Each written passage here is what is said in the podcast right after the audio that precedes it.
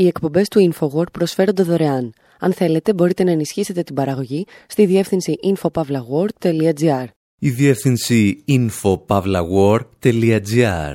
Η εκπομπή InfoWord με τον Άρη Χατζηστεφάνου.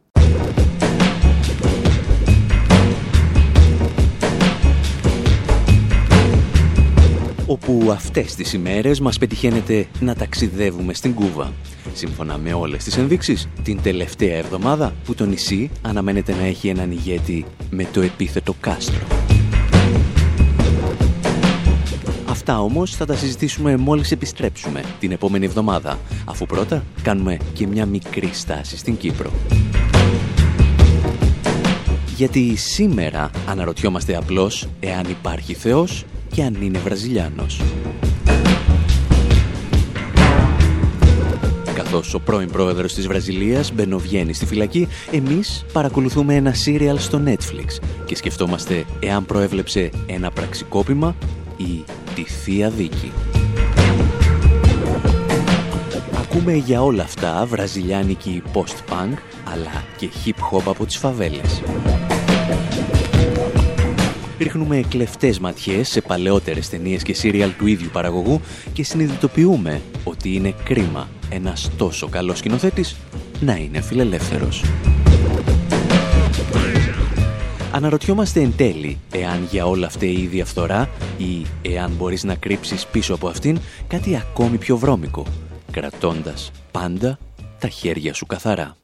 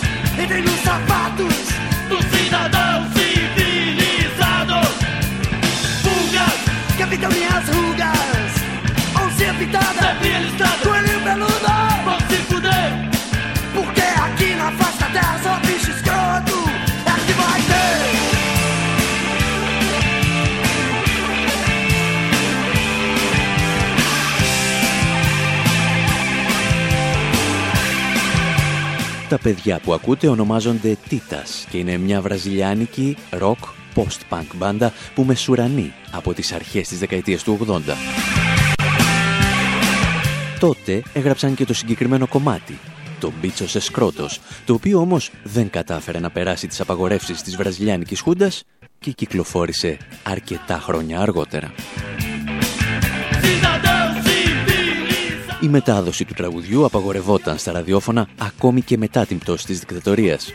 Οι σταθμοί όμως λάμβαναν τόσα αιτήματα από ακροατές, ώστε προτιμούσαν να το μεταδίδουν και στη συνέχεια να πληρώνουν το σχετικό πρόστιμο στο Ραδιοτηλεοπτικό Συμβούλιο της Βραζιλίας. Ο τίτλος του τραγουδιού παραπέμπει στα ανδρικά γεννητικά όργανα και οι στίχοι καλούν τους κοριούς, τις κατσαρίδες και τα ποντίκια να βγουν από τις τρύπες τους και να μπουν στα παπούτσια μας και στα ρούχα μας. Εμάς πάλι, ο λόγος για τον οποίο μας ενδιαφέρει το συγκεκριμένο τραγούδι είναι ότι χρησιμοποιείται σαν soundtrack στη νέα τηλεσυρά του Netflix με τίτλο «Ο Μεκανίσμο» από τον διάσημο βραζιλιάνο σκηνοθέτη Χωσέ Παντήλα και την συγγραφέα Έλενα Σοάρες.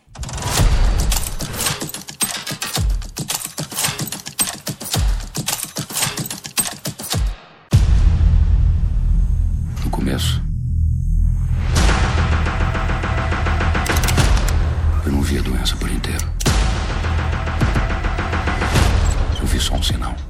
Η νέα τηλεοπτική υπερπαραγωγή κυκλοφόρησε στις 23 Μαρτίου και ασχολείται με τα σκάνδαλα διαφθοράς που μαστίζουν την πολιτική σκηνή της Βραζιλίας. Και ακριβώς δύο εβδομάδες μετά την κυκλοφορία της τηλεσυράς, ο πρώην πρόεδρος της Βραζιλίας, Λούλα Ντασίλβα, οδηγήθηκε στη φυλακή, κατηγορούμενος για σκάνδαλα διαφθοράς. Το πρόβλημα ήταν ότι το μεκανίσμο, ήδη από το πρώτο επεισόδιο, τον φωτογραφίζει σαν εμπλεκόμενο, μαζί και με τη διάδοχό του, την Ντίλμα Ρουσέφ. Στο πρώτο επεισόδιο του πρώτου κύκλου τους βλέπουμε να προβάρουν τις ομιλίες τους, πριν από την εκλογική αναμέτρηση που έφερε την Ντίλμα στην εξουσία. Nunca antes na história desse país uma presidenta fez tanto pelo povo brasileiro como a nossa companheira Janete. No âmbito da energia, a Petrobras... Εάν βέβαια η Ντίλμα και ο Λούλα αποτελούσαν το πραγματικό πρόβλημα της Βραζιλίας, η ανατροπή της πρώτης και η φυλάκιση του δεύτερου θα ήταν ευλογία. Και η τηλεσυρά θα ήταν ένα από τα αριστουργήματα του πολιτικού κινηματογράφου και της τηλεόρασης της εποχής μας. Κάποιοι όμως χαρακτηρίζουν τις διώξεις των δύο πολιτικών σαν ένα πραξικόπημα που στόχο είχε να ανατρέψει δύο λαϊκιστές πλην προοδευτικούς προέδρους. Όπως εξηγούσε μάλιστα πρόσφατα το Democracy Now, τα στοιχεία για τη φυλάκιση του Λούλα ήταν από έολα έως ιδιαίτερα ύποπτα. Lula was convicted of accepting a beachside apartment from an engineering firm vying for contracts at the state oil company Petrobras. Ο Λούλα καταδικάστηκε με την κατηγορία ότι δέχτηκε ένα παραλιακό διαμέρισμα από μια κατασκευαστική εταιρεία που διεκδικούσε συμβόλαια με την κρατική εταιρεία πετρελαίου Petrobras. Αρκετοί από τους οπαδούς του όμως υποστηρίζουν ότι η δίωξη είναι πολιτικά υποκινούμενη. Η ερευνητική ιστοσελίδα Intercept αναφέρει για το θέμα. Τα στοιχεία είναι έολα. Το διαμέρισμα δεν μεταβιβάστηκε ποτέ στον Λούλα ή σε κάποιον συνεργάτη του. Αυτός και η γυναίκα του δεν το χρησιμοποίησαν ποτέ. Ο εισαγγελέας δεν παρουσίασε κανένα στοιχείο για ευνοϊκή μεταχείριση της εταιρείας από την Πέτρο Μπρά. Στη δικογραφία δεν υπάρχουν στοιχεία που να συνδέουν το Λούλα με το διαμέρισμα. Η καταδίκη στηρίζεται σχεδόν ολοκληρωτικά στην κατάθεση ενός τελέχου της εταιρείας που ζητούσε ευνοϊκή μεταχείριση για την κατάθεσή του.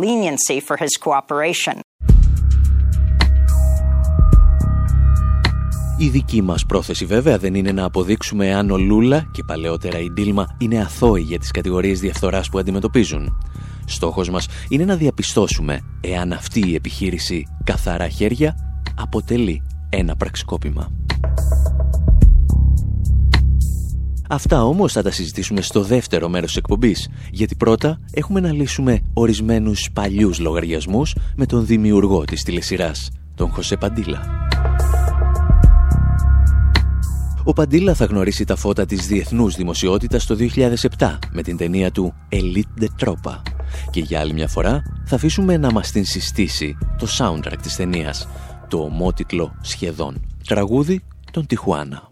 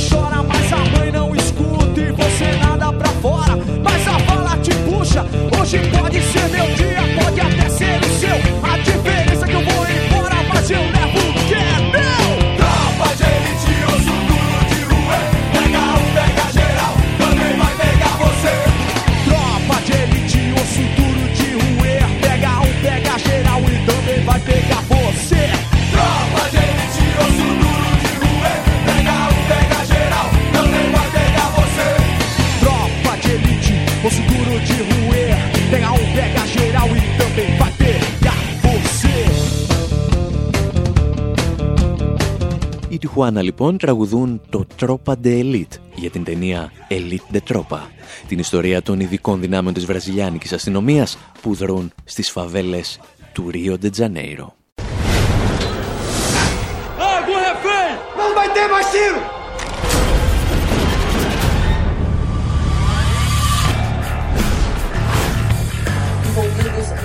Η ταινία που θα κυκλοφορήσει στα ελληνικά με τον τίτλο «Η Επίλεκτη» θα κερδίσει τη Χρυσή Άρκτο στο Φεστιβάλ του Βερολίνου το 2008 και είναι πράγματι μια εντυπωσιακή παραγωγή.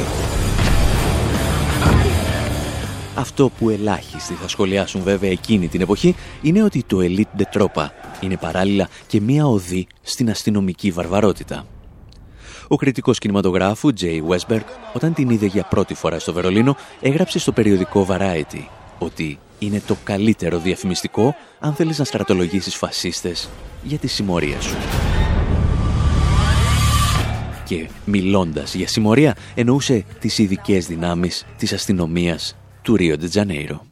Favela sinistra na madrugada, filha da puta assassino de farda. Se eles te ver, tenta correr. De qualquer forma, se proteger. Seja firmeza, mantenha atitude. Chega na área, mas nunca se ilude. Rato na toca, tem língua solta. O cagueta morre pela sua boca. E foi nessa noite, mano... Στο Elite de Tropa, ο Παντήλα διηγείται τις περιπέτειες ενός αδιάφθορου αστυνομικού, ο οποίος δεν συνεργάζεται με τους εμπόρους ναρκωτικών, αλλά πετυχαίνει τους στόχους του με βασανιστήρια και εκτελέσεις υπόπτων. Κάτι σαν την τηλεσυρά 24 με τον Κίφερ Σάδερλαντ.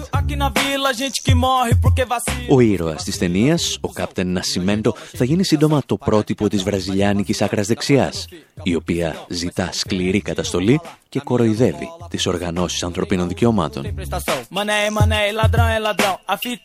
Μόνο που όπως ίσως θα θυμάστε και από τις παλιότερες αποστολές του Infowars στο Ρίο Janeiro, η ιστορία είναι ελαφρώς πιο σύνθετη από τους καλούς αστυνομικούς και τους κακούς εμπόρους ναρκωτικών που ζουν στις φαβέλες. Ή, όπως εξηγούσε πριν από μερικά χρόνια στο Αλτζαζίρα ο Ραφαέλ, μέλος και αυτός μιας συμμορίας, η βία πολλές φορές δεν είναι η δράση, αλλά η αντίδραση στη βία ενός ολόκληρου συστήματος. Ε,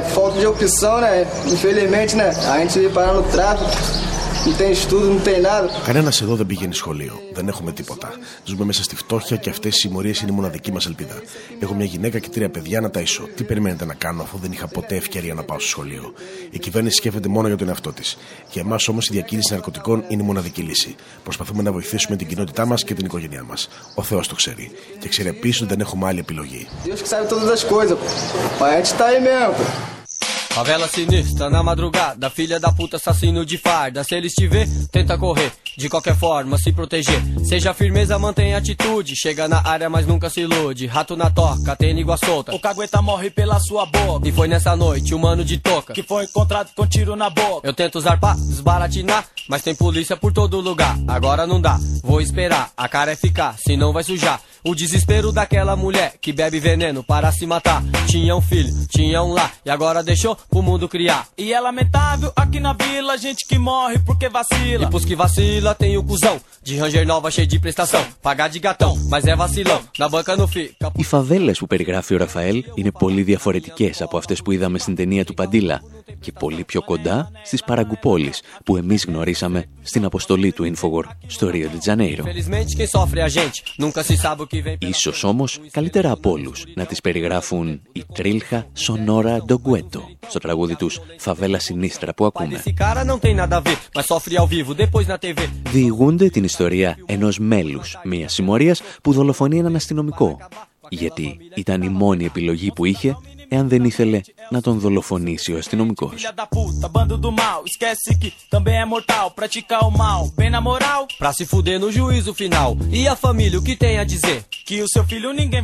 Οι πραγματικές φαβέλες δεν είναι οι πόλεις του Θεού, αλλά οι πόλεις που δημιούργησε το βραζιλιάνικο κράτος στη δεκαετία του 60. Όταν οι τιμές των ακινήτων άρχισαν να αυξάνονται στο Ρίο Τζανέιρο, κάποιοι αποφάσισαν να πετάξουν τους κατοίκους των παραγκουπόλεων μακριά από το κέντρο κέντρο. Τους έχτισαν πρόχειρα καταλήματα και τους άφησαν στη μοίρα τους, χωρίς δουλειά και χωρίς τρόπο μετακίνησης προς το κέντρο της πόλης. Για την ιστορία, αυτό ήταν ακριβώς το αντίθετο από ό,τι προσπάθησε να κάνει ο Τσάβες στη Βενεζουέλα, κατασκευάζοντας ένα τελεφερίκ που συνδέει Ταμπάριος με το κέντρο του Καράκας. Στη Βραζιλία όμως η ιστορία ήταν διαφορετική.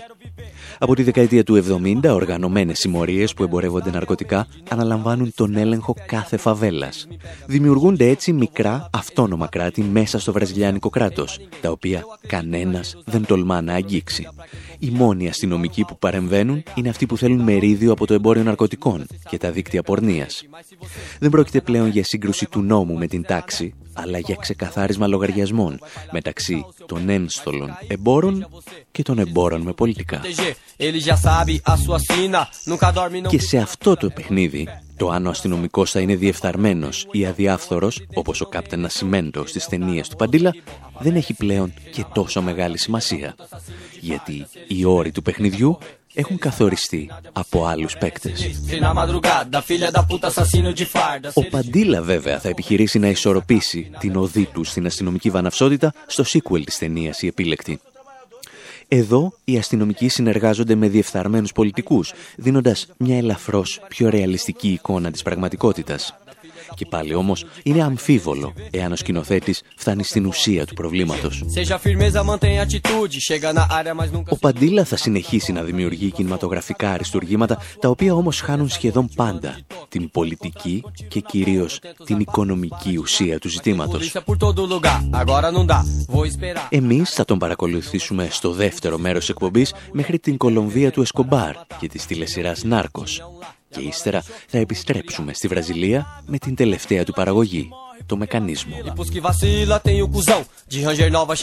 Εσείς πάλι να θυμάστε ότι μας βρίσκεται καθημερινά στη διεύθυνση info.pavlawar.gr από που μπορείτε να μαθαίνετε και περισσότερα για τα γυρίσματα του νέου μας ντοκιμαντέρ με τίτλο Make the Economy Scream.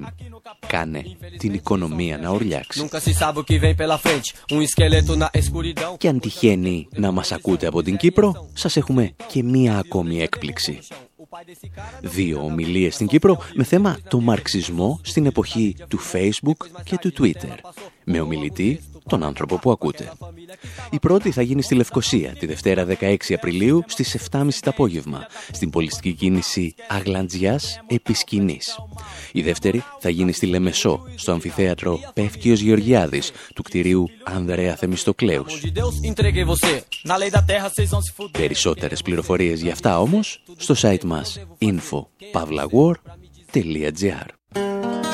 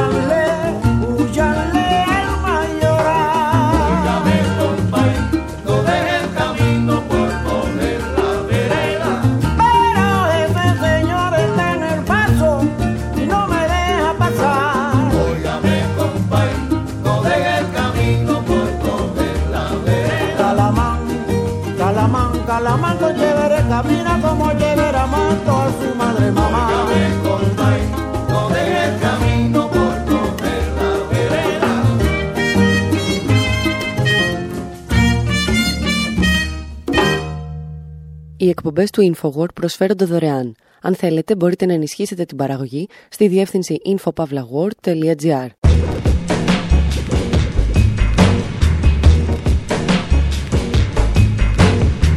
Εκπομπή InfoWord, μέρος δεύτερο όπου παρακολουθούμε τη νεότερη και ελαφρώς παλαιότερη ιστορία της Βραζιλίας μέσα από τις ταινίες και τις τηλεσυρές του περίφημου σκηνοθέτη Χωσέ Παντήλα. Ξεκινήσαμε με το Μεκανίσμο, μια σειρά για τη διαφθορά του πολιτικού συστήματος, το οποίο κυκλοφόρησε στο Netflix μόλις δύο εβδομάδες πριν από τη σύλληψη του πρώην Προέδρου της χώρας, Λούλα Ντασίλβα. Συνεχίσαμε με ιστορίες για κλέφτες και αστυνόμους με την ταινία «Η Επίλεκτη». Και έχει έρθει η σειρά να περάσουμε στο εμπόριο ναρκωτικών της γειτονικής Κολομβίας με την τηλεσυρά «Νάρκος».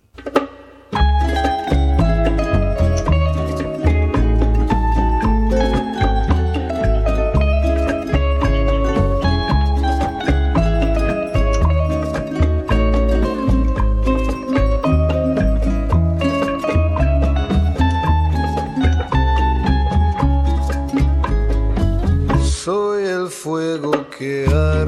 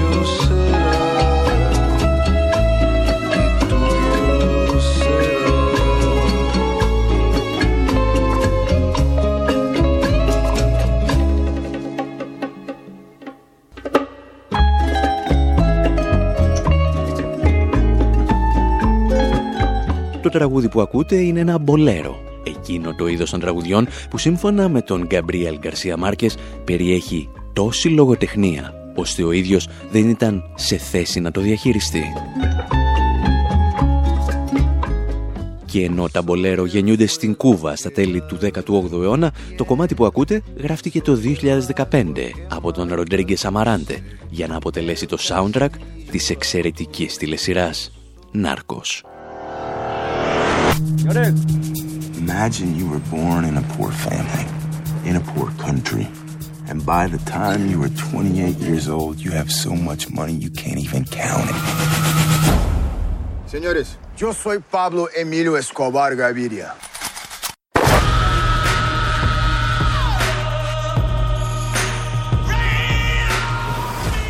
Ο Χωσέ Παντήλα που μας ενδιαφέρει μπορεί να σκηνοθέτησε μόνο τα δύο πρώτα επεισόδια από τους τρεις κύκλους, αλλά η σειρά φέρει φαρδιά πλατιά την υπογραφή του, καθώς είναι ο παραγωγός. Και για άλλη μια φορά, μια εξαιρετική δουλειά πέφτει στην μαύρη τρύπα της φιλελεύθερης προπαγάνδας. Αυτή τη φορά δεν λείπει το ευρύτερο πολιτικό πλαίσιο. Ο Ρίγκαν, η CIA, ο Νοριέγκα στον Παναμά είναι όλοι τους εκεί. Το πρόβλημα ξεκινά όταν το Νάρκος αρχίζει να αναζητά αυτό που στα αμφιθέατρα αποκαλούσαν το επαναστατικό υποκείμενο. Ενώ ο Πάμπλο Εσκόμπαρ παρουσιάζεται σχεδόν σαν τον Ρομπέν των δασών των φτωχών, τα ένοπλα μαρξιστικά κινήματα παρουσιάζονται σαν παρέες ηλιθίων Και παίρνουμε μια πρώτη ιδέα για τις πολιτικές απόψεις των συντελεστών στο δεύτερο κιόλας επεισόδιο, όταν μας εξηγούν ποια ήταν τα μέλη του μαρξιστικού αντάρτικου κινήματος Μη 19. M19 was a communist guerrilla group made up of college students and intellectuals who read too much Karl Marx for their own good. Το Μη 19 ήταν μια κομμουνιστική ομάδα ανταρτών αποτελούμενη από φοιτητές και διανοούμενους που διάβασαν πάρα πολύ Καρλ Μαρξ για το καλό τους. Αρχηγός ήταν ο Ιβάν ο Τρομερός Τόρες, ένας καθηγητής ιστορίας που δεν ήξερε τίποτα από ανταρτοπόλεμο, αλλά καταλάβαινε τη δύναμη του συμβόλου. Διέρρηξε το μουσείο Κίντα ντε Μπολίβαρ με τον κολλητό του Αλεχάνδρο και έκλεψε έναν εθνικό θησαυρό, το σπαθί του Σιμών Μπολίβαρ, του μυθικού στρατηγού που οδήγησε την Κολομβία στην ανεξαρτησία από την Ισπανική Αυτοκρατορία. Αυτοί οι χαβαλέδες άφησαν ακόμη και σημείωμα. Μπολίβαρ, το σπαθί σου επιστρέφει στο πεδίο της μάχης. Ήταν ιδιοφυές. Ένα τρικ του μάρκετινγκ μπροστά από την εποχή του. Και αυτός τους έκανε διάσημους σε μια νύχτα. Και υποθέτω ότι πήραν αέρα τα μυαλά τους. And I guess it went to their heads.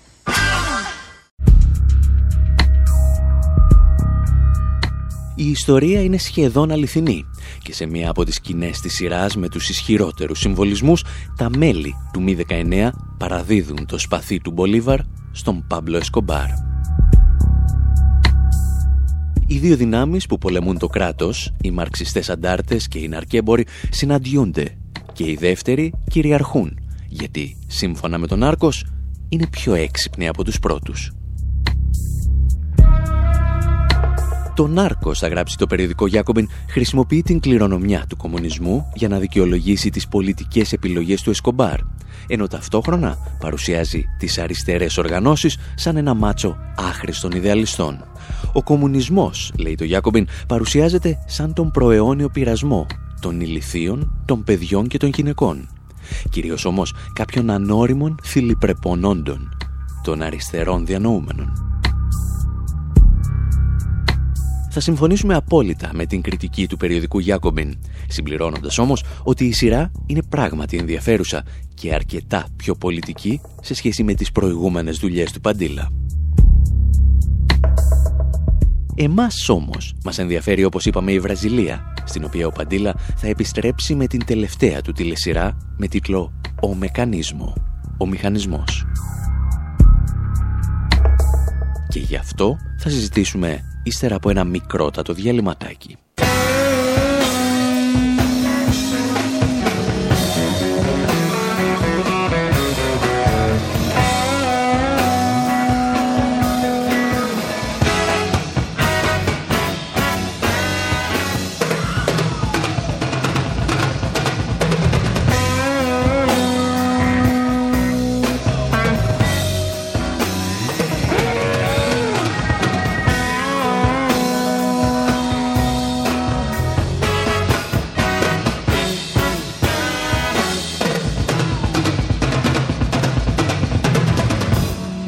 About to get sick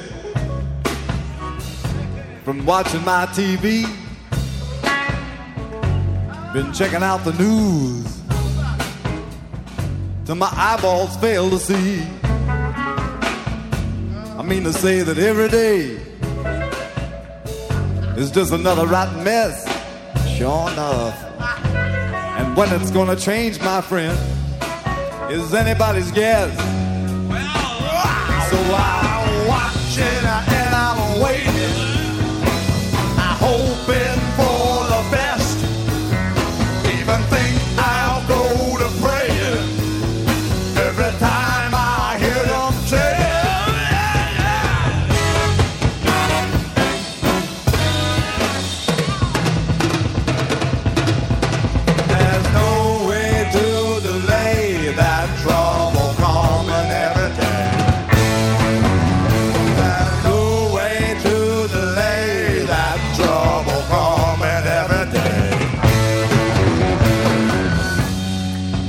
I watched the riot. I seen the cops out on the street. I watched them throwing rocks and stuff and choking in the heat. I listened to reports about the whiskey passing around. I seen the smoke and fire and the market burning down. I watch while everybody on the street will take a turn to stomp and smash and bash and crash and slash and bust and burn.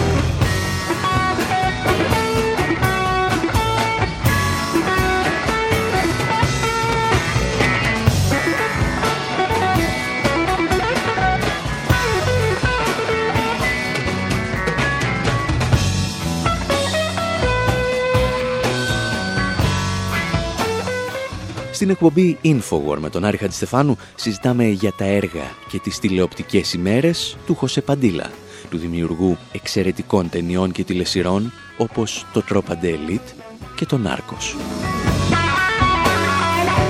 Τώρα όμως έχουμε φτάσει στην τελευταία του δημιουργία, το Μεκανίσμο, μια σειρά που μόλις κυκλοφόρησε και μπορείτε να κατεβάσετε, δηλαδή να δείτε, από το Netflix.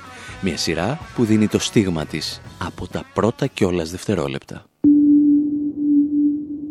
No Brasil, as pessoas pensam que ser Στη Βραζιλία πιστεύουν ότι το να είσαι μπάτσος σημαίνει ότι εισβάλλεις σε φαβέλες και πυροβολείς εμπόρους ναρκωτικών. Αυτός δεν είναι μπάτσος. Αυτός είναι ένα ηλίθιο μπάτσος. Δεν είναι η βία στι φαβέλες που πηδάει τη χώρα μας. Δεν φταίει η έλλειψη εκπαίδευσης και το διαλυμένο σύστημα υγείας. Φταίει το δημόσιο έλλειμμα και τα επιτόκια. Όλα αυτά είναι το αποτέλεσμα και όχι αιτία. Υπηρετώ εδώ και 20 χρόνια την Ομοσπονδιακή Αστυνομία. Δεν ήμουν ποτέ διαφθαρμένο. Δεν έχω εισβάλει ούτε σε μια φαβέλα. Ποτέ δεν με αποκάλεσαν ήρωα. Ξέρετε όμως τι ανακάλυψα. Βρήκα αυτό που πηδάει τις ζωές του λαού της Βραζιλίας. Eu descobri o que fode com a vida de todos os brasileiros. Για να μην σας κρατάμε σε αγωνία, αυτό που πηδάει τις ζωές του λαού της Βραζιλίας είναι, λέει, η διαφθορά των πολιτικών της. Και όταν ο Παντήλα αναφέρεται σε πολιτικούς, έχει ως επιτοπλίστων στο μυαλό του το κόμμα των εργαζομένων, του Λούλα και της Ντίλμα. Τα εξηγεί άλλωστε η συμπροταγωνίστρια. Μας μιλά τις ημέρες των εκλογών που θα φέρουν την Ντίλμα στην εξουσία. Dez anos depois, e Brasília estava em festa. Seria o terceiro mandato consecutivo. Στη Βραζιλία είχαμε γιορτή. Θα είχαμε την τρίτη διαδοχική θητεία ενός λαϊκού κόμματος. Μια κυβέρνηση που έλεγε ότι είναι διαφορετική. Εμένα όμως δεν με ξεγελούσαν. Αυτή η κυβέρνηση ήταν σαν όλες τις άλλες. Eles nunca me enganaram. Pra mim, aquele governo era igualzinho aos anteriores. Παντήλα έχει απόλυτο δίκιο όταν επισημαίνει ότι η διαφθορά είναι κυρίαρχη σε όλα τα κόμματα εξουσίας στη Βραζιλία. Ο ίδιος μάλιστα εξηγούσε πρόσφατα πώς αποφάσισε να δημιουργήσει τη νέα του τηλεοπτική παραγωγή και να της δώσει το όνομα Μεκανίσμο. You know, I also write in a newspaper, and I, wri- I was writing a series of articles about uh, the corruption scandal that originated the series. Όπως γνωρίζετε, γράφω σε μια εφημερίδα και ετοίμαζα μια σειρά κειμένων για το σκάνδαλο στο οποίο στηρίχθηκε η σειρά. Σε ένα από τα κείμενα χρησιμοποίησα τον όρο Ο Μηχανισμός για να περιγράψω τη διαδικασία που ακολουθούν οι διαφθαρμένοι πολιτικοί. Τι είναι λοιπόν ο μηχανισμός; Είναι απλό. Οι προεκλογικές εκστρατείες χρηματοδοτούνται από τις μεγάλες επιχειρήσεις που προσφέρουν υπηρεσίες στο κράτος. Μεταξύ αυτών και κατασκευαστικές εταιρείες με τζίρο δισεκατομμυρίων. Όταν λοιπόν οι πολιτικοί εκλέγονται, τοποθετούν ανθρώπους σε θέσεις κλειδιά όπου ελέγχουν τον κρατικό προπολογισμό. Στη συνέχεια προσλαμβάνουν εταιρείες που χρηματοδότησαν την εκστρατεία τους και τους δίνουν περισσότερα χρήματα για τις υπηρεσίες που προσφέρουν. Οι εταιρείες αποκτούν υπερκέρδη με τα οποία τροφοδοτούν και πάλι τη διαφθορά. Τα ξεπλένουν και τα προσφέρουν και πάλι στους διεφθαρμένους πολιτικούς. Αυτό γίνεται σε κάθε πόλη και κάθε περιφέρεια και αφορά την εκτελεστική και την νομοθετική εξουσία. Έτσι έχει οργανωθεί η πολιτική στη Βραζιλία και έχω την αίσθηση ότι έτσι έχει οργανωθεί σε όλη τη Λατινική Αμερική. I have the feeling that it's how politics is organized in all Latin America. Προφανώς δεν είμαστε εμείς αυτοί που θα υποστηρίξουμε ότι το κόμμα των εργαζομένων του Λούλα και της Δίλμα δεν είναι διεφθαρμένο. Θα ήταν σαν να προσπαθούμε να γεμίσουμε ένα σούρο τύρι με νερό.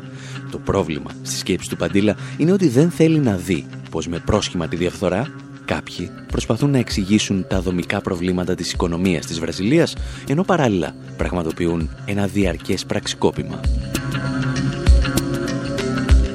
Και γιατί το κάνει αυτό; Είτε γιατί είναι πολιτικά αφελής, είτε γιατί είναι φιλελεύθερος. Αν και ορισμένοι κακεντρεχείς θα υποστηρίξουν ότι τα δύο αυτά χαρακτηριστικά είναι συνήθως αλληλένδετα. Οι ήρωες του Παντήλα πάντως ακούγονται αφελώς φιλελεύθεροι ή φιλελεύθερα αφελείς. Se o Brasil fosse um país sério e as pessoas que trabalham com afinco fossem respeitadas. Αν η Βραζιλία ήταν σοβαρή χώρα και υπήρχε σεβασμός για αυτούς που δουλεύουν σκληρά, αν υπήρχε θεία δίκη και το καλό μπορούσε να νικήσει το κακό, αλλά δεν υπάρχει δικαιοσύνη στη Βραζιλία. Ο Θεός δεν υπάρχει και δεν είναι Βραζιλιάνος. Deus não existe e não é brasileiro. Το πρόβλημα του Παντήλα λοιπόν είναι ότι δεν βρίσκονται σε θέσεις εξουσίας οι άριστοι. Η καταστροφή που έφερε στη χώρα το Διεθνές Νομισματικό Ταμείο, ο ρόλος ξένων πολυεθνικών, αλλά και της οικονομικής ελίτ της Βραζιλίας, περνούν σε δεύτερο πλάνο. Και έτσι, ο δημιουργός είναι πλέον έτοιμος να δικαιολογήσει και ένα πραξικόπημα. Γιατί, όπως εξηγούσε παλαιότερα και ο Νόαμ Τσόμσκι, το κόμμα των εργαζομένων δεν ήταν σε καμία περίπτωση αδιάφθορο, αλλά η ανατροπή της Ντίλμα Ρουσέφ ήταν ένα είδος πραξικοπήματος. Uh, first of all, there has been a massive level of corruption. Καταρχήν υπήρχε εκτεταμένη διαφθορά από το Εργατικό Κόμμα, το κόμμα του Λούλα. Είχαν την ευκαιρία να πετύχουν κάτι εξαιρετικό και αναμφίβολα έκαναν πολλά θετικά βήματα, αλλά τελικά συμμετείχαν και αυτοί στη ληστεία μαζί με την υπόλοιπη οικονομική ελίτ. Από την άλλη, δεν μπορούμε να μην αναγνωρίσουμε ότι πρόκειται για ένα μετροπαθές πραξικόπημα. Οι ελίτ συχαίνονται το Εργατικό Κόμμα και άδραξαν την ευκαιρία για να το απομακρύνουν από την εξουσία. Δεν περίμεναν τις εκλογές, τις οποίες γνωρίζουν ότι θα χάσουν, αλλά εκμεταλλεύονται την οικονομική κρίση και τη διαφθορά που αποκαλύφθηκε and the massive corruption that's been exposed. Το πρόβλημα στη Βραζιλία δεν ήταν απλώς ότι κάποιοι που αυτό αποκαλούνταν άριστοι ανέτρεψαν μια δημοκρατικά εκλεγμένη πρόεδρο. Το πρόβλημα ήταν ότι οι λεγόμενοι άριστοι ήταν όπως συνήθως τα μεγαλύτερα λαμόγια που είχε γνωρίσει η χώρα. Τα εξηγούσε πριν από μερικά χρόνια στο Real News Network ο Μπολβεντούρα Ντεσούτα Σάντος, καθηγητής οικονομικών από την Πορτογαλία. Το μόνο που χρειαζόταν για την ανάλυση του ήταν να παρατηρήσει το Υπουργικό Συμβούλιο που τοποθετήθηκε μετά την ανατροπή της Δίλμα. Well, it would be a comedy if it were not tragic because they are all of them are male, all of them are white. Ε, Θα ήταν κομικό αν δεν ήταν τραγικό. Όλοι οι υπουργοί είναι λευκοί άντρες και οι περισσότεροι κατηγορούνται για σκάνδαλα διαφθοράς. Να σας δώσω μερικά παραδείγματα. Ο Υπουργός Γεωργίας είναι ο μεγαλύτερος γεωκτήμονας της χώρας με τεράστιες εκτάσεις καλλιέργειας σόγιας. Ο Υπουργός Δικαιοσύνης έχει ξεκαθαρίσει ότι θέλει να ποινικοποιήσει κάθε μορφή κινητοποίησης από όλες τις διαδηλώσεις. Ο Υπουργός Οικονομικών είναι τραπεζίτης και ήταν διοικητής της Κεντρικής Τράπεζας. Φυσικά οι αγορές τον εμπιστεύονται και είναι ενθουσιασμένες μαζί του, αλλά δεν ισχύει το ίδιο και με τον κόσμο που ξέρει ότι θα επιβάλλει μέτρα λιτότητας. Θα εφαρμόσει όλα τα νεοφιλελεύθερα μέτρα προσαρμογής που έχουμε δει σε άλλες περιοχές.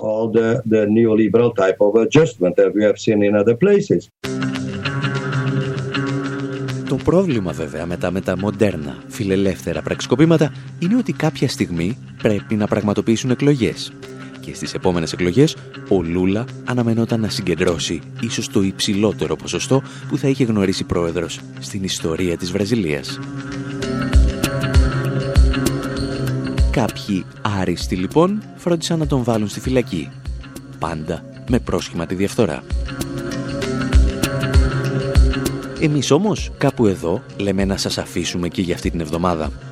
Ετοιμάζουμε ένα μεγάλο αφιέρωμα από την αποστολή του Infowars στην Κούβα και φυσικά, χάρη σε εσάς, δουλεύουμε και στο νέο μας ντοκιμαντέρ Make the Economy Scream Περισσότερα όμως για αυτά, καθώς και για το πώς μπορείτε να μας βοηθήσετε να ολοκληρώσουμε την παραγωγή, θα βρείτε στη σελίδα μας info.pavlawar.gr Μέχρι την επόμενη εβδομάδα, από τον Άρχα της Στεφάνου στο μικρόφωνο και τον Δημήτρη Σαθόπουλο στην τεχνική επιμέλεια, γεια σας και χαρά σας.